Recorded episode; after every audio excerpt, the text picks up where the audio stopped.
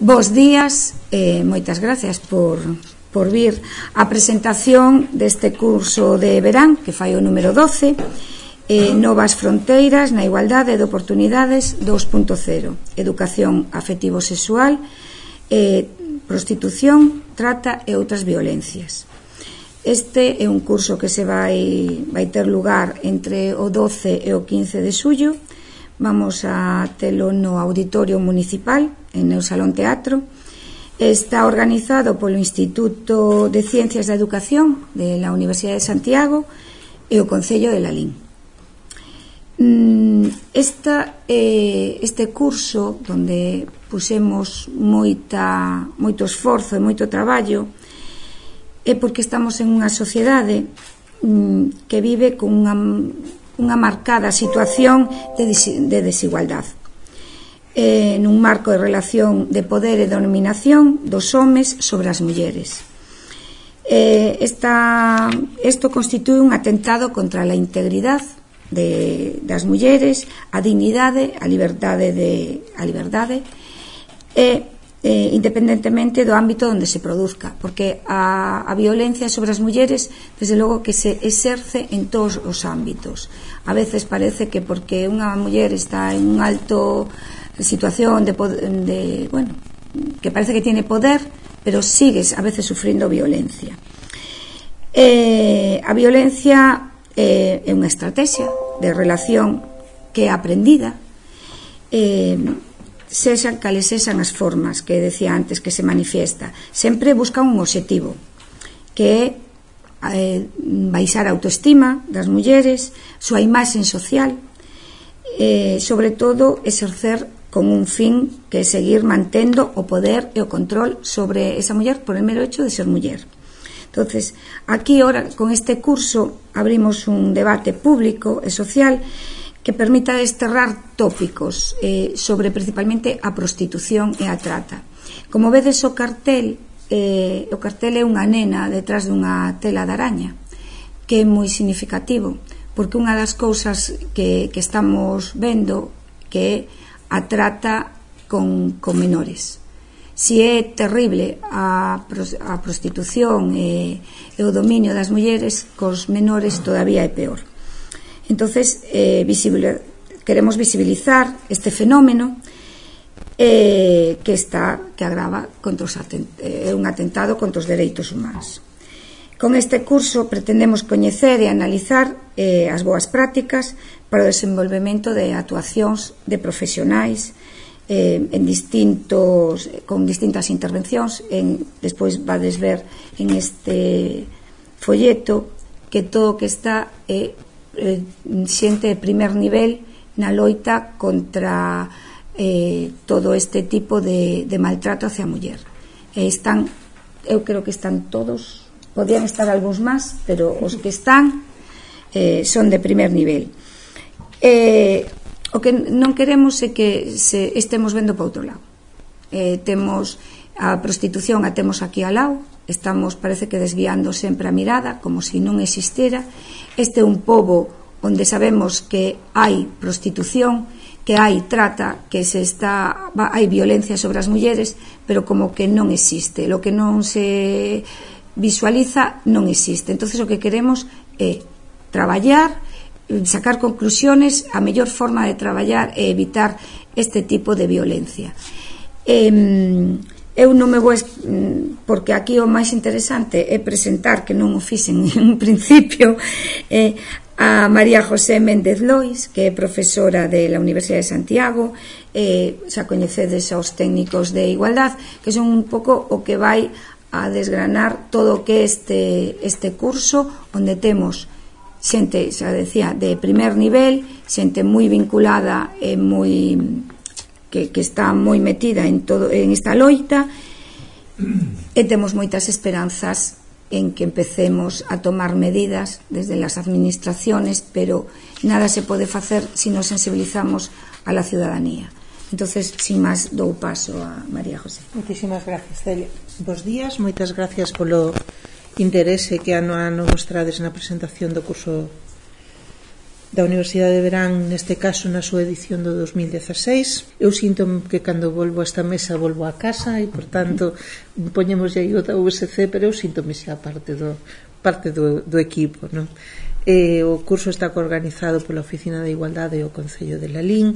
e o Instituto de Ciencias da Educación, que é o que eu, o que eu represento da Universidade de Compostela. Non? O curso nesta edición, como vos decía Celia, céntrase en catro e tópicos como sempre, nesas novas fronteiras na igualdade 2.0, interesanos a educación afectivo-sexual, a prostitución, a trata e outras violencias que eh, con maior ou menor calado pois van eh, facendo mella non? Nos, nos, na nosa sociedade e nos nosos eh, nos nosos nenos e nenas e sobre todo nas nosas nenas e nas nosas mulleres non? Eh, e céntrase, decíamos, en ofrecer distintas respostas e alternativas socioeducativas a unha das lacras da sociedade actual que vamos a referir co xenérico de denominador de violencias. Non? A violencia física e o homicidio son o último eslabón dunha violencia cada vez máis generalizada que afecta a moitas moitísimas mulleres de todas as franxas de idade e de todas as condicións sociais, como xa antes decía, decía Celia, non? É unha violencia escudada na tradición que permeabiliza a linguaxe, a organización productiva, o doble raseiro moral do que se considera lícito para homes e para mulleres, o desigual desenvolvemento eh, tecnolóxico, as oportunidades, a eh, capacidade das persoas de eh, situarse ante o mundo e de poder defenderse, a incapacidade expresiva das máis diversas manifestacións culturais, a moda, a representación artística, bueno, pois un poquinho aunando todos eses elementos, pois é que sale este este programa, non? Unha violencia que ten a base eh, na interpretación das outras persoas como obxetos e non como suxeitos non eu creo que ese sería eh, un dos, unha das frases a, a resaltar non? É dicir, cando consideramos as persoas máis alá de, de ser suxeitos para consideralas obxetos dos que podemos dispor eh, ou, ou podemos eh, mercantilizar con eles non? probablemente a forma de violencia suave máis estendida contra as mulleres e o silencio vale? eh, obrígaselles en moitas ocasións a estar caladas e a non xa non nos dá a gana de estar caladas e non o vamos a estar nunca máis nin nesto nin en ningún outro escenario non? elevado ás veces a categoría de virtude e refrendado ese silencio noutras co carácter de obriga eh, unha actitude e un hábito de calar, de ser discretas, de non facer ruido, de ocupar eh, apoiándose na, na conveniencia de botarlle a culpa ao dado naturalmente ou aos instintos ou a outras cousas que cada uno vai inventando posicións pouco visibles e pouco asociadas aos privilexios e aos recoñecementos. E moito máis se nos referimos aos afectos e á sexualidade e ás súas expresións na sociedade non? Parece como se as mulleres tuveran deixado de ser suxeitos sexuais naturais para ser suxeitos de uso e eso pois eh, leva a súa máxima expresión na prostitución e na trata, non cabe duda, non? E mm, tamén deixademe mm, resaltar o papel que os homes eh, eh, teñen ante esa situación das violencias, non a visibilidade ou a forma de situarse ante eh, ese propio silencio social, non? Pois quizáis necesitamos tamén do acompañamento das voces dos homes, eh, para reivindicar este, este tipo de este tipo de reivindicacións, non? E como combater todo isto? Pois para a nosa estrategia máis efectiva sería a sociedade coeducadora, non só desde a escola, sino desde calquera outra manifestación, recurso ou elemento do sistema social e vou vos a incluir aí aos xornalistas e fago sempre e son plenamente consciente de que teño que facelo dentro dun paradigma do desenvolvemento da identidade persoal e a través da análise de xénero, é dicir, cuestionando os estereotipos, rescatando o positivo de cada persoa, apostando por un modelo de, de convivencia baseado no recoñecemento dos dereitos e do poder de cada ser humano, nun marco de respeto impulsado o desenvolvemento máximo das potencialidades coas que conta cada persoa e o establecemento de relacións solidarias e, e corresponsables, buscando en suma desenvolver todas as habilidades precisas para unha boa vida, entendida como a realización e a posta en marcha dun proxecto de vida propio e único de cada persoa, co que queira ser e o que queira facer en cada momento, en armonía con todos os seus campos e coa capacidade de xestionar e dar respostas ás situacións que na súa vida se lle presente. O reto é difícil, estes catro días Lalín volverá a encher de optimismo, eh? non podía ser de outro modo, e os interrogantes tamén son moitos, teremos que resolver algúns deles, pero seguramente conxuntos todos e todas seremos tamén capaces de levantar novas cuestións, novas problemáticas sociais, novos cuestionamentos non que nos irán pois facendo medrar. Entre os obxectivos do, do propio curso, os que eu me vou a referir, eu teño cinco para resaltar, que sería incrementar a conciencia sobre a violencia de xénero na sociedade civil, a fin de non limitar o debate sobre os medios para combatir a violencia só a pequenos grupos, que parece que hai xente como interesada na violencia e esos somos los raros que falamos de la violencia, non? É un problema social, un problema con, ri, con riscos de autorreferencialidade se non o facemos extensivo á sociedade e que a sociedade tamén teña a capacidade de opinar, de decidir, de ver eh, que facer, non? Porque moitas veces eh, sobre todo pasa coa prostitución e coa trata, situámoslos como lonxe de nós, non socialmente a, a población colle o problema e sitúa, bueno, eso pasa noutros sitios, pasa, bueno, pois pues, ao mellor hai que enseñarlles que pasa bastante máis cerca, en familias bastante máis eh, eh, norma, normalizadas, é dicir, como a nosa, non? pois para que ao mellor desa maneira pois tomemos máis conciencia, non? Evitar a hexemonía xeral ou parcial e ampliar a discusión e as achegas sobre as mellores accións de sensibilización contra a violencia e a loita contra a violencia de xénero, coñecer e analizar, e para iso as nosos especialistas e as nosas especialistas o van a facer fantástico boas prácticas para o desenvolvemento de accións, actuacións igualitarias mediante a revisión de ferramentas habituais empregadas e, de, e análise de novas propostas facilitar o intercambio de experiencias e o aproveitamento de materiais e recursos diversos sobre a, sobre a temática que nos ocupa e, e eu sempre resalto e, e creo que me repito sempre pero pareceme ben importante incrementar o número de homens sensibilizados e que participan activamente a favor da igualdade de oportunidades en a loita das, das violencias non? Réstame convidar a todas as persoas interesadas e tamén, como non, as escépticas e curiosas a chegarse na terceira semana de xullo a Lalí para compartir, aprender e intercambiar experiencias desde un modelo de aprendizaxe dialóxico, participativo, colaborativo, que nos permita disfrutar ademais da excelente acollida e do cariño que nos demostra sempre este povo Non? E como non, agradecer moito, moitísimo a Oficina de Igualdade e o Concello de Lalín no meu nome no, na Universidade de Santiago e do ICE eh, o traballo que nos brinda a confianza, o esforzo, o grande esforzo que supón manter xa por duodécimo ano este curso como unha realidade viva apostando de xeito decidido pola igualdade e pola educación. Gracias nomeadamente ao señor alcalde, a concelleira de Muller e Igualdade aquí presente, Celia Alonso, os compañeiros Sus e Celso, a miña amiga Sofía, aínda que non este presente, si está nos nosos corazóns, sin os que isto non sería posible. Gracias tamén ás ponentes e os ponentes convidados por ter aceptado o convite, que non sempre é fácil vir a Lalín en xullo, no período vacacional, moitas veces, ou, bueno, deixando outras obrigas pois, para eh, pensar que si Perú ou Lalín, pois hasta eso se nos ten dado, non? E escolleron Lalín, así que mirade si somos ben importantes. Eh, entón, gracias eh, por esa aceptación e, e por facer desta experiencia unha labor doada e gratificante para nós cando eh, chamas a alguén que, que é ben importante socialmente e che di, sí, sí, a Lalín, cando, donde? Eh, dime fecha e hora que allá me presento, non? eh, pois eh, tamén dar as gracias a todas as entidades, as persoas colaboradoras e os patrocinadores, porque eh, sin o seu apoio institucional e personal, pois seguro non sería posible, non? Gracias tamén a vos, medios de comunicación, por axudarnos na ardua tarefa de facer chegar a todos os recunchos a proposta formativa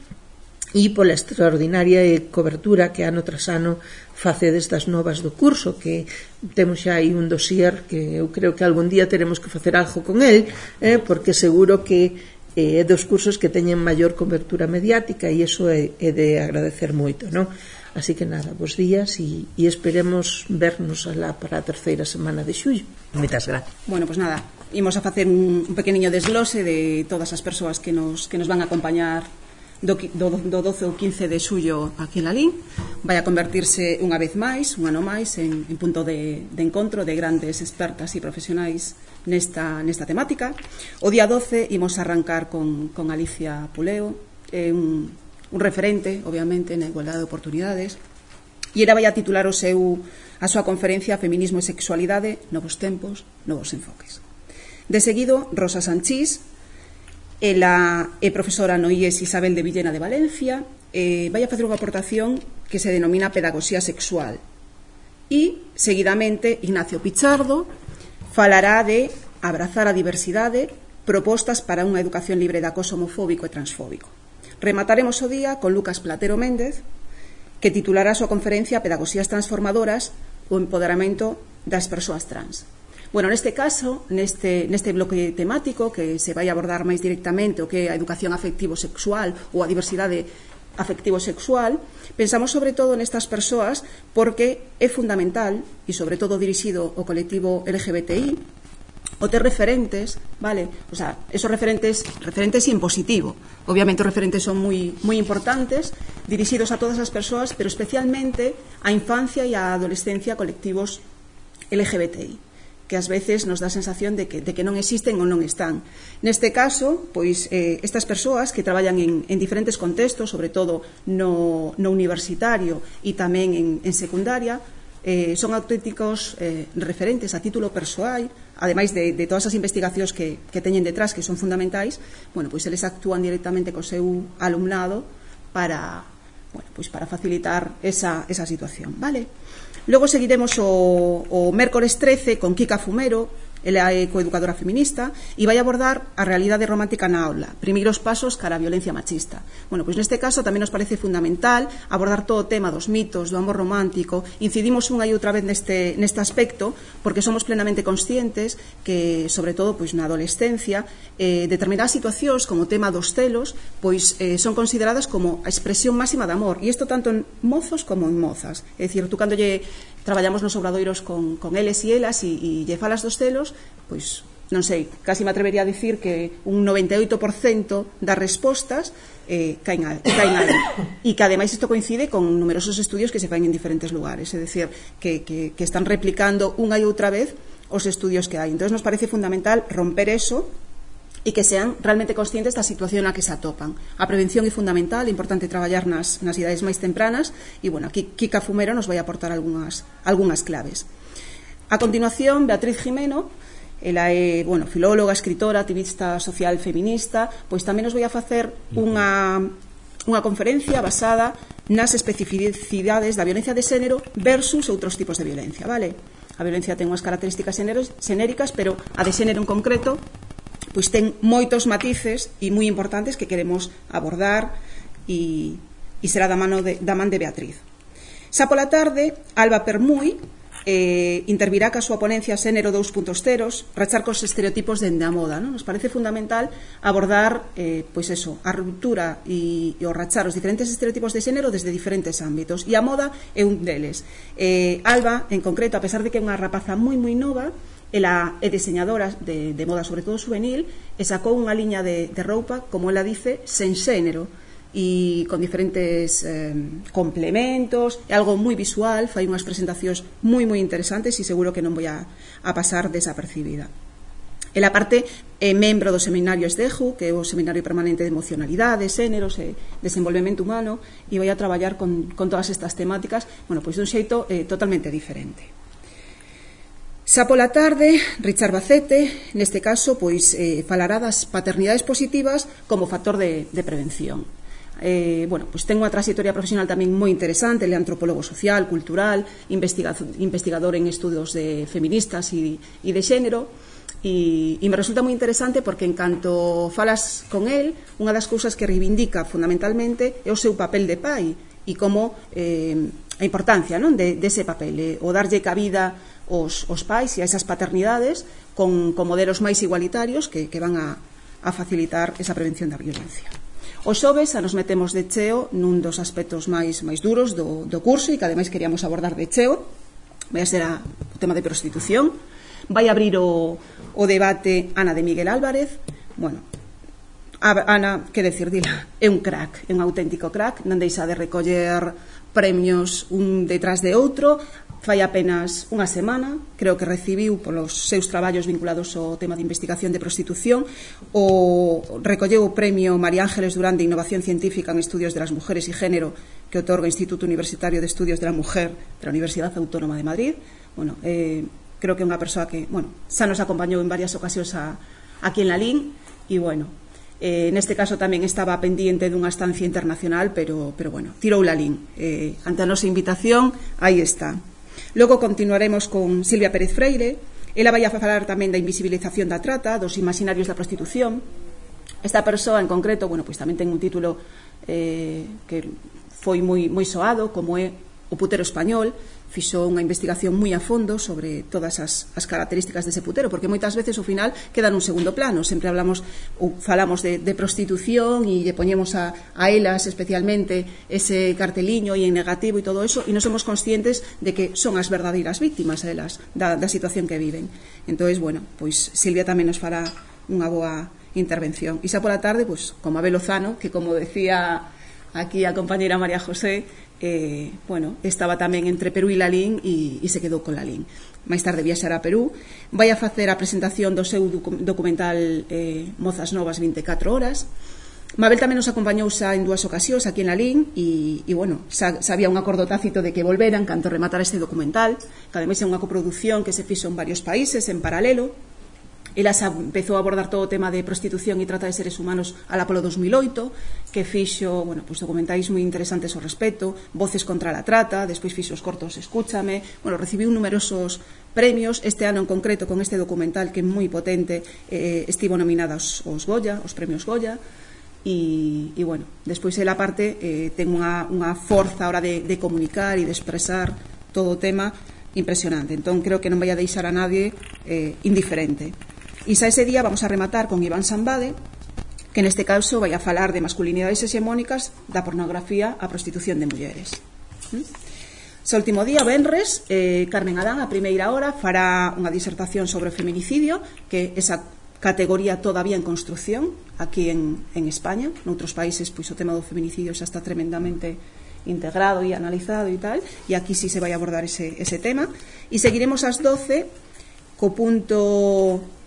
pois máis eh, ocioso, entre comillas, da man de Alicia Murillo. Ela mesma se, se identifica como artista multidisciplinada e activista feminista. Ela vai abordar, pois eso, diferentes situacións e, e contextos eh, no que fundamentalmente as mulleres sofren o, o acoso callejero, entonces vai a presentar proxectos como Cazador Cazado e, e outras experiencias. A verdad que esta muller tampouco suele deixar indiferente a ninguén. E remataremos o curso con María Elena Simón Rodríguez. Bueno, es, é unha das referentes no tema de coeducación. Nos entendemos que, que unha forma de, de abordar a igualdade é a través de, da coeducación, sin dúbida, e, bueno, esta muller, aparte de, da trayectoria que ten, que é amplísima, non, o seguinte, el, pois a, alá polo ano, polos anos 80 que se empezou co Feminario de Alicante bueno, ten unhas, unhas experiencias impresionantes E aparte, bueno, pois ela é analista de xénero, experta en coeducación, en linguaxes para a igualdade, e, e creo que vai a facer unha abordaxe moi importante e ofrecernos diferentes eh, ferramentas máis que interesantes. Bueno, decir que o curso está homologado con dous créditos de, de libre configuración para as antigas eh, licenciaturas e diplomaturas e con dous créditos ECTS para as actuais titulacións de grau. Neste momento tamén está solicitada a homologación á Consellería de Educación como formación permanente do profesorado. Hai uns trámites, ás veces os tempos non nos coinciden, verdad? E entón ainda está en proceso, pero bueno, ata da agora sempre nos concederon o, a homologación e, e esperamos que sexa do mesmo xeito. E tamén está solicitada a homologación do curso pola Academia Galega de Seguridade Pública, pola GASP que neste caso, bueno, pues abordando sobre todo o tema de prostitución e, e trata de seres humanos, consideramos que, que é importantísimo e fundamental.